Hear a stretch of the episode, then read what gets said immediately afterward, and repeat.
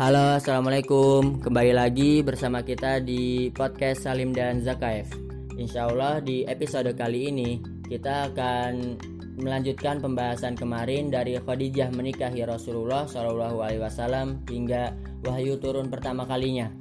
Seperti yang sudah diketahui di episode sebelumnya, Rasulullah pergi ke Syam untuk berdagang membawa dagangannya Khadijah disertai oleh pembantu Khadijah namanya Maisarah.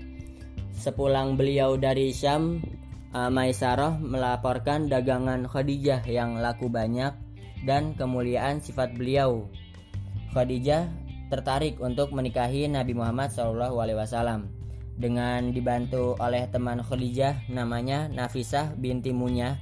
Akhirnya Rasulullah SAW setuju dengan tawaran Khadijah. Pernikahan ini berlangsung sekitar dua bulan setelah Rasulullah kembali dari Syam. Sebenarnya sebelum ini udah banyak pemuka Quraisy yang menawarkan diri kepada Khadijah, tapi itu semua ditolak sama Khadijah. Usia Khadijah saat menikahi Rasulullah adalah 40 tahun, sedangkan usia Rasulullah sendiri adalah 25 tahun.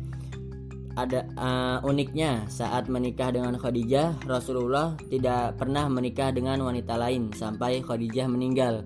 Semua anak-anak beliau lahir dari rahim Khadijah kecuali satu yaitu Ibrahim yang dilahirkan sama Maria Al-Qibtiyah. Uh, adapun nama anak-anak anak-anak Rasulullah SAW yang lahir dari rahim Khadijah ada Al-Qasim, Zainab, Ruqayyah, Ummu Kulsum, Fatimah, dan Abdullah. Dari Al-Qasim, Rasulullah mendapat julukan Abul Qasim. Semua anak Rasulullah meninggal ketika beliau masih hidup, kecuali Fatimah yang meninggal enam bulan setelah Rasulullah meninggal. Pada usia beliau yang ketiga lima terjadi peristiwa penting yaitu renovasi Ka'bah. Renovasi Ka'bah ini diarsiteki oleh seseorang yang berkebangsaan Romawi namanya Bakum. Awalnya orang-orang Quraisy takut untuk merobohkan Ka'bah. Namun setelah Al-Walid bin Al-Mughirah Al-Makhzumi mengawali perobohan Ka'bah dan tidak terjadi apa-apa pada dirinya, maka barulah orang-orang Quraisy mau ikut merobohkannya. Singkat cerita, ketika proses pembangunan udah sampai Hajar Aswad, orang-orang Quraisy berselisih, ribut siapa yang berhak menaruh Hajar Aswad di tempatnya semula.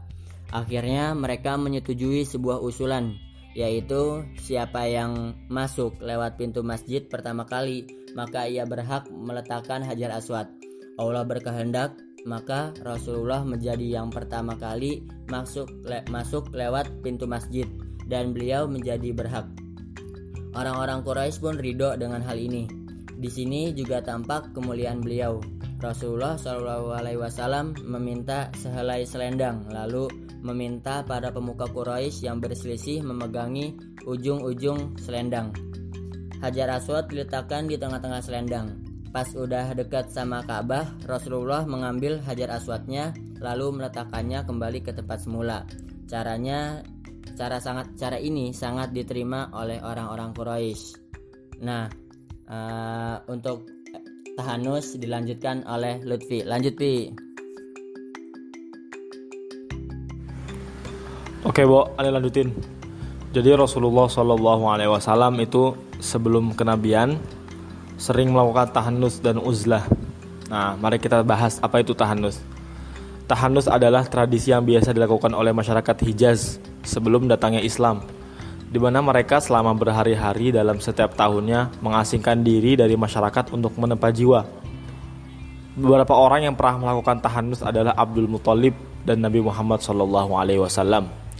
Tahanus dikerjakan pada masa sebelum bi'athah sebelum Nabi Muhammad diutus sebagai rasul dilakukan setiap tahun selama satu bulan di Gua Hiro untuk berkholwat dan beribadah. Tahanus adalah sebuah keadaan ruhani seperti iktikaf selama waktu tertentu. Seseorang berkholwat dan mengasingkan diri dari masyarakat untuk beribadah, merokobah, dan berbuat baik sehingga diharapkan dari kholwat yang ia lakukan ia akan terhindar dari dosa dan juga dari keadaan itu. Akan tercapai sebuah keadaan jiwa seseorang yang murni. Menurut sebuah hadis dari Imam Ali radhiyallahu an, Nabi Muhammad saw memiliki kebiasaan untuk pergi ke Gua Hiro dan tinggal di sana untuk sementara waktu setiap tahun sebelum bi'atah. Sesuai dengan tradisi orang Quraisy, beliau tinggal di Gua Hiro selama satu bulan dalam setahun. Ketika berada di sana, Nabi memberi makan kepada orang-orang miskin yang mengunjungi beliau. Kemudian ia pergi ke Ka'bah dan melakukan tawaf sebaik tujuh putaran atau lebih. Kemudian beliau pulang ke rumah. Beliau melakukan kebiasaan seperti ini hingga masa sebelum kerasulan. Mengapa Rasulullah Shallallahu Alaihi Wasallam melakukan tahannut? Jadi seperti yang telah kita ketahui pada masa itu masyarakat Arab sangatlah bobrok dalam artian mereka memiliki budaya yang sangat tinggi namun akhlak dan adabnya tidak ada dalam artian suka membunuh anak-anak perempuan mereka, berjudi, yang kuat menindas yang lemah. Belum lagi Rasulullah Shallallahu Alaihi Wasallam adalah seorang pedagang, yang mana beliau melakukan perjalanan dagang menuju ke Syam, ke Suriah, ke Yaman.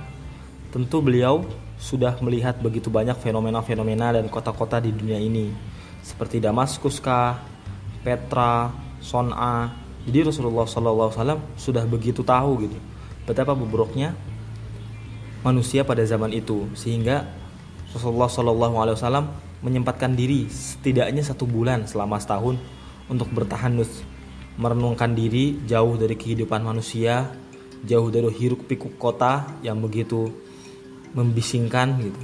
Jadi ciri-ciri orang cerdas adalah mereka yang seperti itu gitu.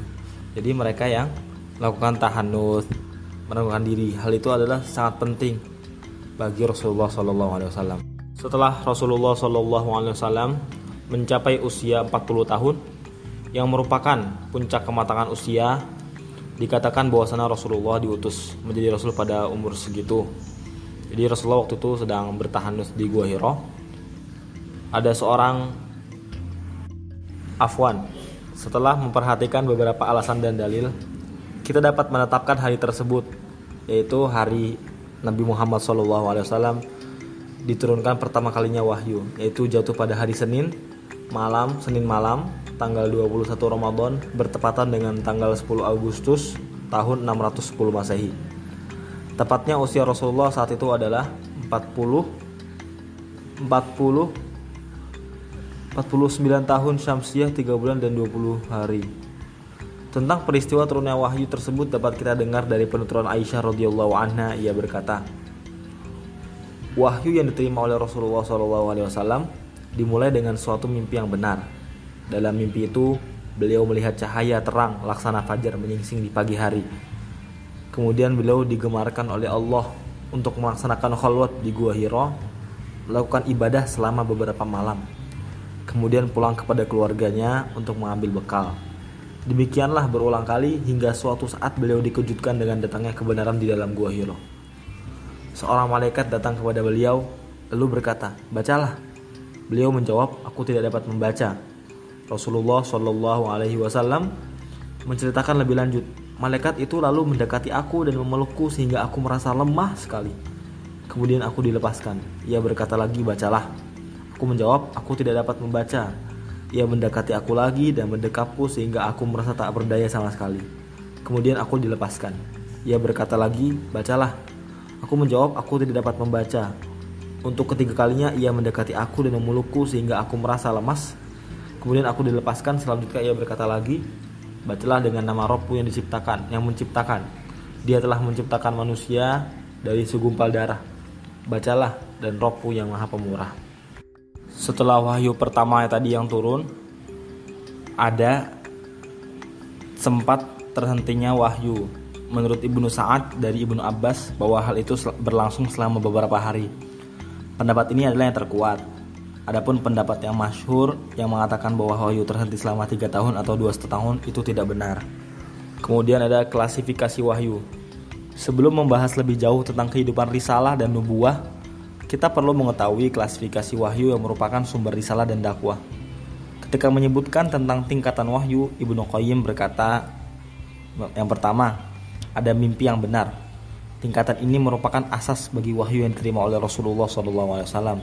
Yang kedua, wahyu yang dibisikkan oleh malaikat ke dalam hati beliau tanpa terlihat oleh beliau. Yang ketiga, malaikat datang kepada Rasulullah SAW dalam wujud seorang lelaki lalu berbicara kepada beliau sampai beliau memahami apa yang disampaikannya. Dalam keadaan seperti ini, malaikat tersebut kadang terlihat oleh para sahabat.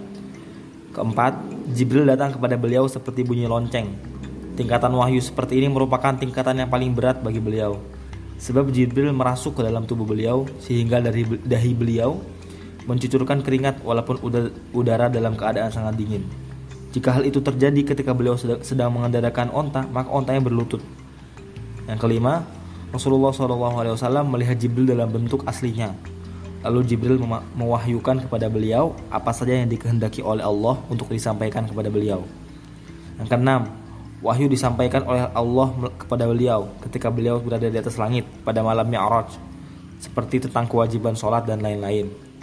Ketujuh, firman Allah firman Allah kepada beliau tanpa perantaraan malaikat sebagaimana Allah berbicara kepada Musa alaihi salam. Oke, mungkin cukup sekian dulu dari kami. Sampai jumpa di episode selanjutnya. Wassalamualaikum warahmatullahi wabarakatuh.